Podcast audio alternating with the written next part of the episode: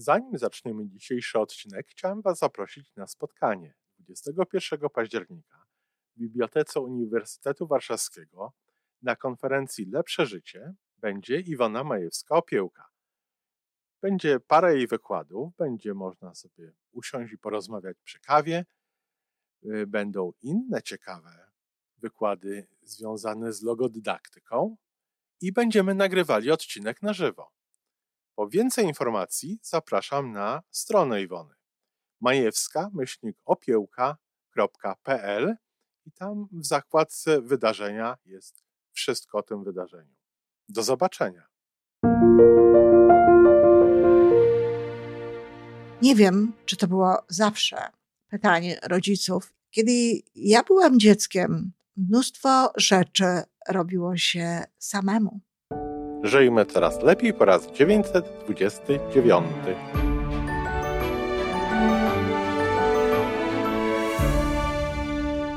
Witamy w miejscu, gdzie wiedza i doświadczenie łączą się z pozytywną energią. Nazywam się Iwona Majewska-Piołka. Jestem psychologiem transpersonalnym, wspierającym rozwój osobisty i duchowy. A ja nazywam się Tomek Kniat. Nie jestem psychologiem, jestem techniczny, jestem adeptem rozwoju osobistego, bardzo to lubię. Razem tworzymy podcast, właśnie ten, którego słuchanie powoduje, że naprawdę żyje się coraz lepiej. Wiemy to, bo tak nam mówią nasi słuchacze. Zapraszamy do wysłuchania kolejnego odcinka i mamy nadzieję, że nowe głosy dołączą do tych, że warto nas słuchać.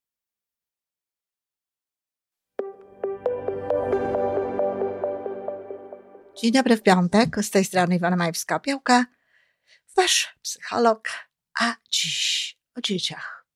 Ale czy tylko? Jak pobudzać kreatywność? Jak pobudzać twórczość w dzieciach w dzisiejszych czasach? Nie wiem, czy to było zawsze pytanie rodziców i zawsze pytanie dorosłych osób. Kiedy ja byłam dzieckiem, mnóstwo rzeczy robiło się samemu. Twórczość była bardzo mocno obecna w życiu każdego dziecka. E, wiele matek e, szyło ubrania. No, nie moja mama nie szyła, ale powiedzmy projektowała je, czyli wymyślała, co to miałoby być, i miałyśmy e, krawcową. Zatem ja widziałam taki proces tworzenia, proces powstawania. Sama uczestniczyłam jakby w projektowaniu tych moich sukienek, a kiedy już byłam u pani krawcowej, co zresztą bardzo lubiłam, no to oprócz tego, że się prosiłam o szmatki, tak to się nazywało, szmatki, czyli takie ścinki, e, które posiadałam krawcowe po to, żeby o właśnie szyć ubranka dla swoich lalek. Nigdy nie byłam w tym jakaś nadzwyczajnie biegła. Pamiętam Gabrysię, która robiła to znakomicie. Niemniej miałyśmy w zwyczaju latem siadanie na kocu, gdzieś w miejscu miłym, zielonym, na jakiejś łące. Mieliśmy dużo takich miejsc i wtedy szyłyśmy te ubranka, tworzyłyśmy. Ponieważ w dzieciństwie moim, myślę, że spokojnie tutaj wielu rodziców nie było zabawek na każdą okazję. Nie było rzeczy, które były potrzebne do zabawy, zabawy w lekarza czy e, w nauczyciela. W tej chwili można sobie kupić takie różne małe zestawy. Mały lekarz, mały bankier, no prawie że mały złodziej. I wszystko właściwie jest takie dostępne, co powoduje, że to życie staje się takie bardzo dosłowne z jednej strony y, dzieci, a z drugiej strony no, nie zachęca ich do tego, żeby wysilały swój, no nazwijmy to umowie, umownie mięsień twórczości, aczkolwiek doskonale wiadomo, że składa się na to cały szereg rzeczy. Zresztą o kilku rzeczach wspomnę. I tutaj jest już pierwsza rzecz, którą tak naprawdę możemy zrobić. Ja bardzo mocno przestrzegam przed kupowaniem dzieciom zabawek na każdą okazję.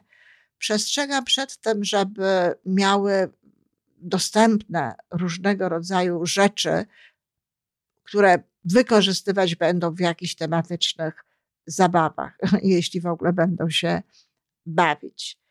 Ja robiłam mnóstwo rzeczy z klocków.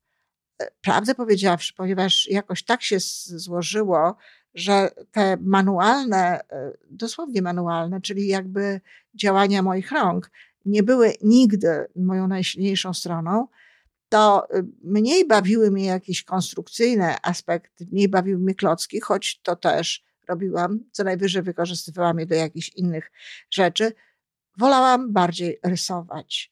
I te rysunki właśnie, to, były, to było takie dawanie upustu swojej wyobraźni, dawanie upustu swoim marzeniom bardzo często. Ja nie będę tutaj opowiadać o swoich, bo nie to miejsce nie jest nie po to, ale zachęcam rodziców do tego, żeby sami przypomnieli sobie właśnie, jak to było, w jaki sposób żyliśmy, w jaki sposób funkcjonowaliśmy.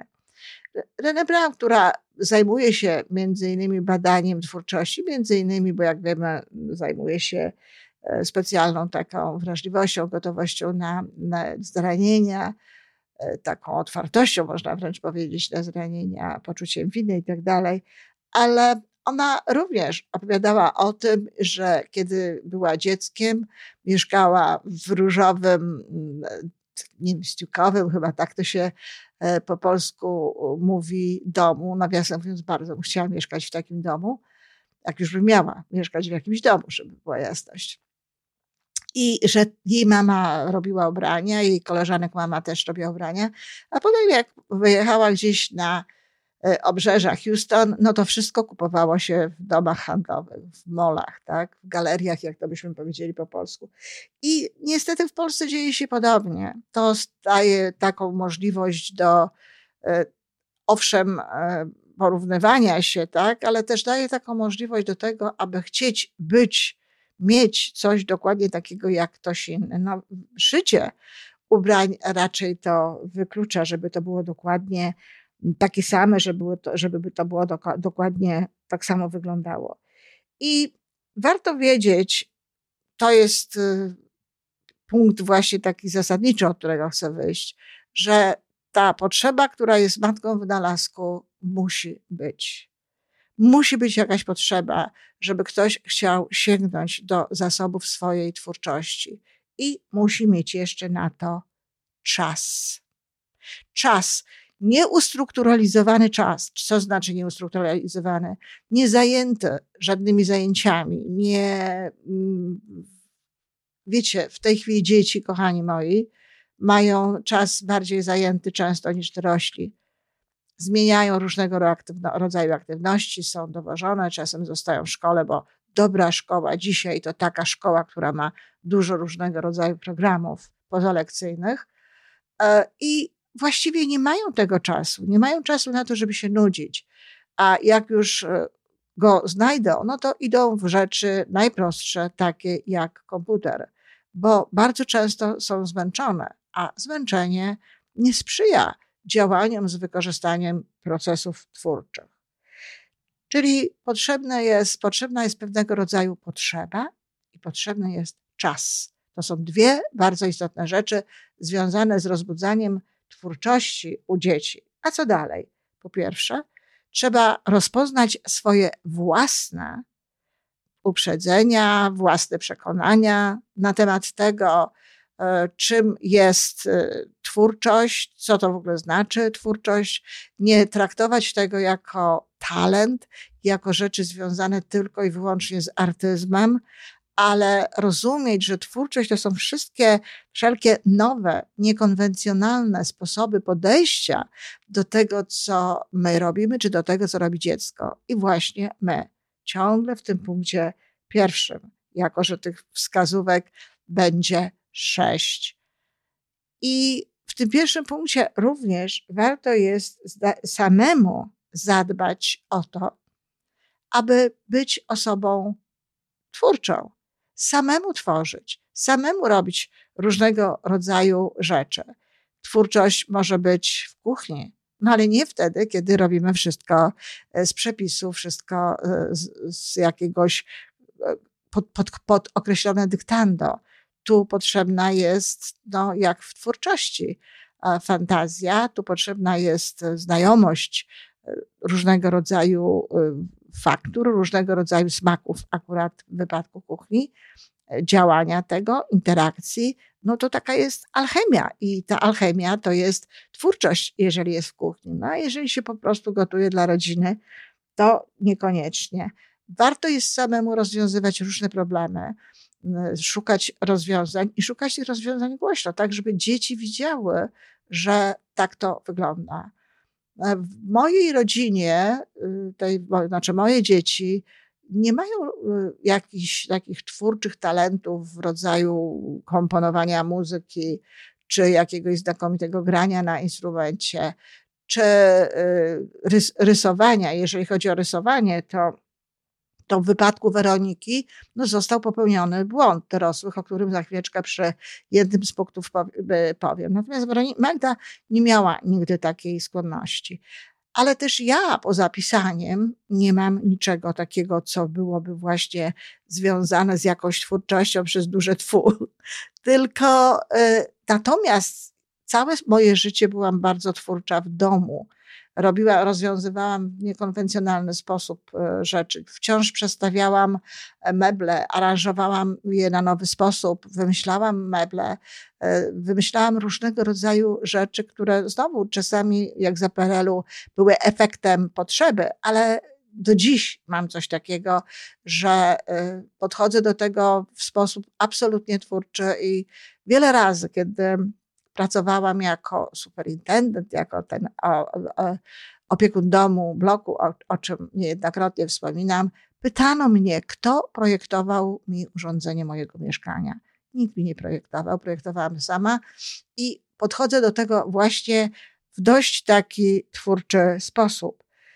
I moje dzieci widziały to, widziały elastyczność, widziały y, pewnego rodzaju gotowość na zmianę, i to właśnie jest drugi bardzo istotny element wychowywania i pokazywania.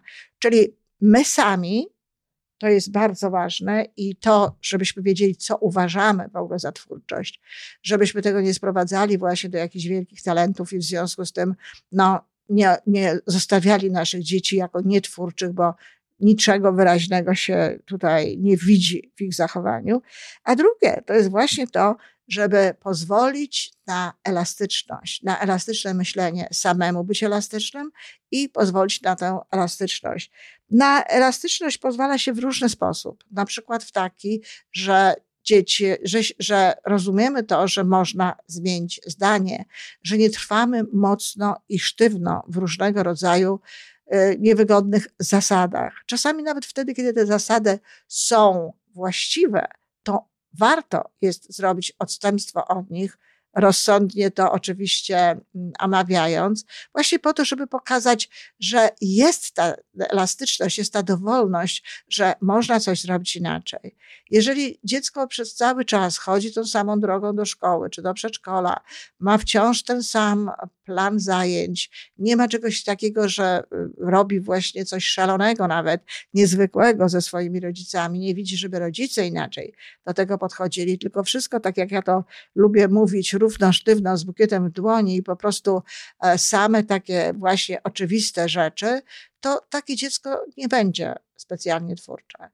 No moje dzieci akurat tego miały pod dostatkiem. W naszym domu były zasady jak najbardziej i one doskonale o tym wiedziały, ale też szczególnie już w wypadku Weroniki potrafiliśmy od tego odchodzić. No i dużo się w tym naszym domu działo. I kolejna rzecz bardzo ważna to jest to, aby pozwolić dzieciom na to, żeby, y, znaczy wykorzystywać jakby niektóre te ich pomysły, niektóre rzeczy, które które y, one wdrażają, przynajmniej spróbować, jeżeli coś mówią. Pamiętacie pomysłowego Dobromira?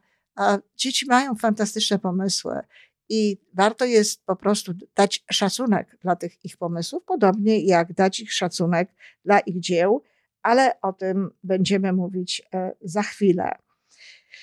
Trzeci punkt to jest to, żeby mm, nastawić się raczej na proces na cały proces twórczości, a nie na jego efekt. Czyli nie oczekiwać specjalnie jakichś efektów, um, nie nazywać też swoich dzieci ani w sposób e, taki pozytywny, ani w negatywny. Znaczy nie mówić o nich, że nie są zdolni, że nie mają żadnych uzdolnień, żadnych talentów. To jest oczywiste, że tak mówić nie można, ale też nie, nie mówić mocno, że oni są artystami, że oni pięknie rysują, że każdy ich rysunek to jakieś dzieło, że wiszą te ich rysunki gdzieś tam i tak dalej. Dlaczego? Dlatego, że to drugie kładzie na nich presję, kładzie na nich takie presje tej, tej, e, tej, tego bycia twórczym i bardzo często prowadzi do tego, że na siłę chcą być inne, na siłę chcą się wyróżnić. Natomiast twórczość nie polega na działaniach na siłę, co ja mogę tutaj zrobić innego. Och, obserwujemy takich w cudzysłowie twórców, powiedziałabym, ale którzy nawet gdzieś tam daleko doszli. Ale moim zdaniem motywy, jak, jakich się, jak, znaczy nie tylko moim zdaniem, ale y, motywy, jakimi się dochodzi do tego, y, co się robi, też są bardzo istotne. Chodzi o ekspresję siebie i chodzi o to, żeby dzieci dawały właśnie wyraz swojemu ja, a nie na siłę starały się być no, tutaj y, twórcze, ponieważ no, mama tutaj chciała jakby mm, mówi o tym, mówi o tym, że one właśnie są takie twórcze. I w tym procesie bardzo istotnym elementem jest to, żeby jakby we właściwy sposób do tych dzieci mówić, we właściwy sposób przeprogramowywać, jakby przeramowywać, jeśli coś im się nie udało. Znowu nakładąc właśnie, jak, właśnie całą, całą siłę na proces. No ale zobacz, teraz już wiesz, że warto jest to zrobić tak albo tak. Ale jak pięknie połączyłeś te kolory, tak, no okej, okay, to była próba generalna. Próby generalne muszą być, prawda? I wiesz już, w jakim kierunku chcesz iść. Różnego rodzaju rzeczy, dlatego że to znowu przekierowuje na proces. Warto jest pytać na przykład, co czułeś, kiedy to, kiedy to rysowałeś? Co ci się najbardziej podobało w tym procesie? Co ci się najbardziej podobało w tym, co robiłeś? E, pytania typu skończyłeś? Albo y, a jak daleko? Jak, jak twoja praca nad tym czy innym projektem? Chodzi po prostu o to, żeby pokazać ten proces i proces nagradzać a nie koniec, a nie efekt. Dlatego, że nam chodzi o to, żeby dzieci lubiły to robić, żeby mogły lubić to robić, no to muszą mieć kontakt dobry z tym procesem. I dlatego tutaj również ostrożnie z nagrodami. Tak? Nie warto jest nagradzać um, samego końca tego procesu, samego, samego efektu. Dobrze jest, aby łączyło się to właśnie z tym procesem, z tym, co się robi. I teraz a propos tych nagród. Znaczy, pierwsza rzecz, to przy prawdziwej twórczości, to, y, to samo działanie jest nagrodą. Samo robienie pewnego rodzaju rzeczy y, jest przyjemnością. To zazwyczaj jest, y, takie działania płyną z motywacji wewnętrznej. No ale chodzi o to, żeby ten proces w dzieciach utrzymywać. I teraz, jeżeli chodzi o nagrody, no nie może to być niezwiązane z tym procesem, tak? Nie można dawać dzieciom nagrody, które są związane z czymś zupełnie innym. Jeżeli dziecko dostało, dostaje nagrodę, nie wiem, w konkursie e, związanym z rysowaniem, czy związanym właśnie z, z rozwiązywaniem jakichś e, problemów, jakimś niekonwencjonalnym podejściem, czy rodzic chce w jaki sposób to nagrodzić, to ta nagroda warto by, byłoby, żeby była połączona z tym procesem. Znowu piękne kredki, piękne farby, jakiś tam mały inżynier, majsterkowicz, jakaś, e, jakieś urządzenie, które pomoże mu robić te rzeczy, które robi z przyjemnością. Więc to jest bardzo, e, bardzo ważne. I trze- e, kolejna związana z tym procesem ciągle rzecz, to jest e, zwracanie uwagi na takie małe procesy twórcze w wypadku dzieci. Tak? To jest bardzo istotny element, żeby widzieć, dostrzegać te ich wszystkie pomysły, ale jesteś pomysłowy, ale świetnie do tego podszedłeś, ładnie to rozwiązałaś. No proszę bardzo, popatrz, a mnie to nie wpadło do głowy. No i w ten, w ten sposób tak jak gdyby e, no, wzmacniać te ich działania. Kolejny bardzo istotny element to jest to, w jaki sposób my traktujemy to, co one robią. To znaczy nasze, nasz stosunek do tego, nasza pochwała, to, co my mówimy. Wiele osób, wiele dzieci mówi, że y, pamiętają po prostu. To jest jak, jak badania pokazują, y, to jest około 85% dzieci, y, znaczy dorosłych, pamięta, jak ich zablokowano gdzieś na, na ich twórczość, jak ich zablokowano na to, co one robiły. I ten blok może być y, dwóch rodzajów. Pierwszy to jest właśnie wtedy, kiedy rodzice po prostu ganią to, kiedy rodzice mówią, to się do czego nie nadaje, w ogóle jak to wygląda. Potrafią nawet niektórzy podrzeć e, dzieło swojego dziecka, czy w inny sposób je zniszczyć, albo nie zauważyć, czy, czy, czy po prostu powiedzieć, no Matejko to ty nie jesteś, czy Picasso to ty nie jesteś, um, nie dodając niczego więcej, bo jeśli ktoś doda, no wiesz, Picasso to to nie jest, ale masz tutaj i zauważy jakieś dobre rzeczy, pokaże, wskaże na to, um, może podpowie, jeżeli to jest nauczyciel rysunku, co można jeszcze zrobić innego, no to jest zupełnie inna sprawa. Oczywiście nie chodzi o to, aby y, chwalić i mówić, och, jakie piękne, bo tego się nie robi. Ja już zresztą mówiłam w jednym z podcastów e, na temat chwalenia takich rzeczy, ale zwrócić uwagę na jakieś rzeczy z tym związane. Na przykład na przywiązanie do szczegółów, na przykład na to, jak ładnie zrobiłeś tę korę tego dębu, jak ją ładnie widać. Po prostu wskazać na jakiś szczegół, na to, co w tym jest, a nie ogólnie, no piękne. Kto z Was chciałby mieć taką opinię, no piękna? Ja powiem szczerze, że nawet kiedy ja dostaję czasami um, informacje na temat tego, co robię, no bo przecież e, spora część mojej pracy polega na twórczości, chociażby związanej no, z czasem z odtwarzaniem, to znaczy z wiadomościami, które gdzieś tam miałam, no ale bez tego się w ogóle nie da tworzyć. To też nie bawią mnie takie powiedzi, no pie, piękny wykład, tak, no fajnie, bardzo się cieszę, dziękuję, to jest dla mnie bardzo miłe, ale o wiele bardziej cieszą mnie te wypowiedzi, gdzie jest jakiś szczegół, gdzie jest podane coś, co się przydało, czy coś, na co zwróciłam uwagę, czy jakaś, jakiś inny element, który widać, że tutaj został zauważony. Czyli bardzo ważną sprawą jest to, żeby chwalić to, co można pochwalić, żeby znajdować takie elementy, które są do pochwalenia. A nawet jak rzecz jest naprawdę ładna i naprawdę nam się podoba, to wtedy również się na tym koncentrować. Niestety, właśnie bardzo często jest tak, że kwituje się różnego rodzaju twórczość dzieci słowami nie wychylaj się, ty jeszcze jesteś za mały na to, ty się zajmij tym, co jest dla ciebie, masz robić tak, jak jest w objaśnieniu, a nie tutaj swoimi własnymi metodami i tak dalej. No, taka matematyka na przykład. No, warto byłoby doceniać to, że dzieci robią pewne rzeczy inaczej, niż to jest w przepisie, a też no, niekoniecznie tak jest. Mało tego, no bo jak wiemy, słynne pytanie, co autor chciał przez to powiedzieć, a teraz sprowadzone do testów wręcz, gdzie jak słyszałam, chciałabym wierzyć, że to nie jest prawda, ale jak słyszałam, dzieci muszą się na tych testach wykazać takim konkretnym rozumieniem e, tego tekstu, jaki jest w, ujęty w tym teście. A przecież naprawdę poezja szczególnie daje olbrzymie pole do popisu, jeśli chodzi o wyobraźnię, rozumienie i tak dalej. I kolejna rzecz to jest w, w ramach tego właśnie czwartego punktu, czyli tego nagradzania i wprost przeciwnie, to jest taka informacja, że chociaż tak jak mówiłam, 85% dzieci pamięta te momenty, kiedy zostały zawstydzone, kiedy, kiedy właśnie coś się im bardzo, bardzo się coś nie podobało, e, to y, jednak również więcej osób pamięta, kiedy doznało od e, dorosłych ludzi takiego sposobu jednak pomocy w tym, jednak rozwoju. Bo są osoby, które potrafią powiedzieć, no właśnie Picasso to ty nie jesteś, potrafią sobie zażartować nawet, trochę wyśmiać może to, co zrobiło y, dziecko, ale jednocześnie dają informację zwrotną, porządną i pewne rzeczy, e, i, i pewne rzeczy chwalą. No ja miałam taką nauczycielkę od polskiego, która żartowała sobie, że ja piszę stylem baroko, zrobiła tak, y, barokowym, zrobiła takie, e, takie, nawet taką głośną ocenę, tego. Dzieci sobie trochę ze mnie żartowały, zwłaszcza jeden kolega i nazywał mnie potem barokiem. Ja się odcinałam, że on jest styl romański, czyli jakiś taki ciemny. I to było w szkole podstawowej. Ona nam najpierw wyjaśniła te style, y, które są i powiedziała, i takim właśnie stylem pisze nasza Iwonka. I e, to mi bardzo wiele dało.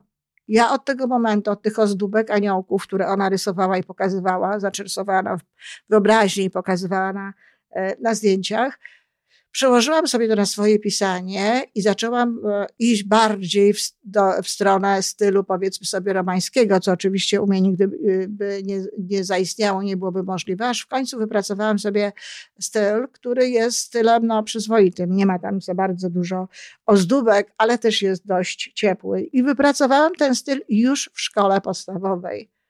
Zatem to jest właśnie to podejście, tak? Możesz sobie nawet trochę zażartować, może być, ale daj wskazówki, doceń to, zauważ to, co tam jest robione, zauważ ten proces, zauważ, co się w tym wszystkim dzieje. I e, znowu wracając do, mm, do takich konkretnych już ćwiczeń związanych z konkretnym jakby takim procesem, ja pamiętam, myśmy mieli dzienniczek lektur, czy to się nazywało dzienniczek, ale to był zeszyt po prostu, gdzie jednym z elementów był obrazek, był rysunek, który się robiło do tej książki. Przekładało się pewna treść na rysunek. To jest znakomity sposób na to, żeby budować w dzieciach twórczość. Niech rysują muzykę, niech rys robią obrazek z przeczytanej książki, którą razem żeśmy przeczytali, niech robią ilustracje do wierszy, niech robią ilustracje do różnych jakichś e, rzeczy, do, do sytuacji nawet, które żeśmy razem przeżywali. Więc to jest bardzo dobrze. Kolejna bardzo istotna sprawa, to już będzie piąty element, to jest zachęcanie do ciekawości do ciekawości do nowych doświadczeń. E, te nowe y, rzeczy to, to bardzo mocno zależą od rodziców. Wycieczki, sposób w jaki do tych wycieczek się podchodzi, co się pokazuje, jakby, co się, co się robi. E, projekty ręczne, do których, nie wiem, razem się włączamy, które robimy razem. I, I tak jak już wcześniej wspominałam, zauważanie tych wszystkich twórczych momentów, tych wszystkich, tego wszystkiego, co dzieci e, tutaj nam e, robiły. I e, to właściwie jest jeszcze tylko jeden element, który mm, tutaj jest bardzo istotny i nie jest związany specjalnie może z, z twórczością tak stricte, aczkolwiek do niej bardzo prowadzi. To jest autonomia. Autonomia, która jest potrzebna dzieciom do tego, żeby, żeby mogły siebie wyrazić, żeby miały prawo się wyrażać. E, z tą autonomią łączy się z jednej strony czas i miejsce, żeby dzieci mogły chodzić w pewne miejsca, gdzie mogą się rozwijać. Z drugiej strony pozwolenie na to, żeby się ubierały tak, jak chcą od wczesnych lat, prawda? Niech tworzą.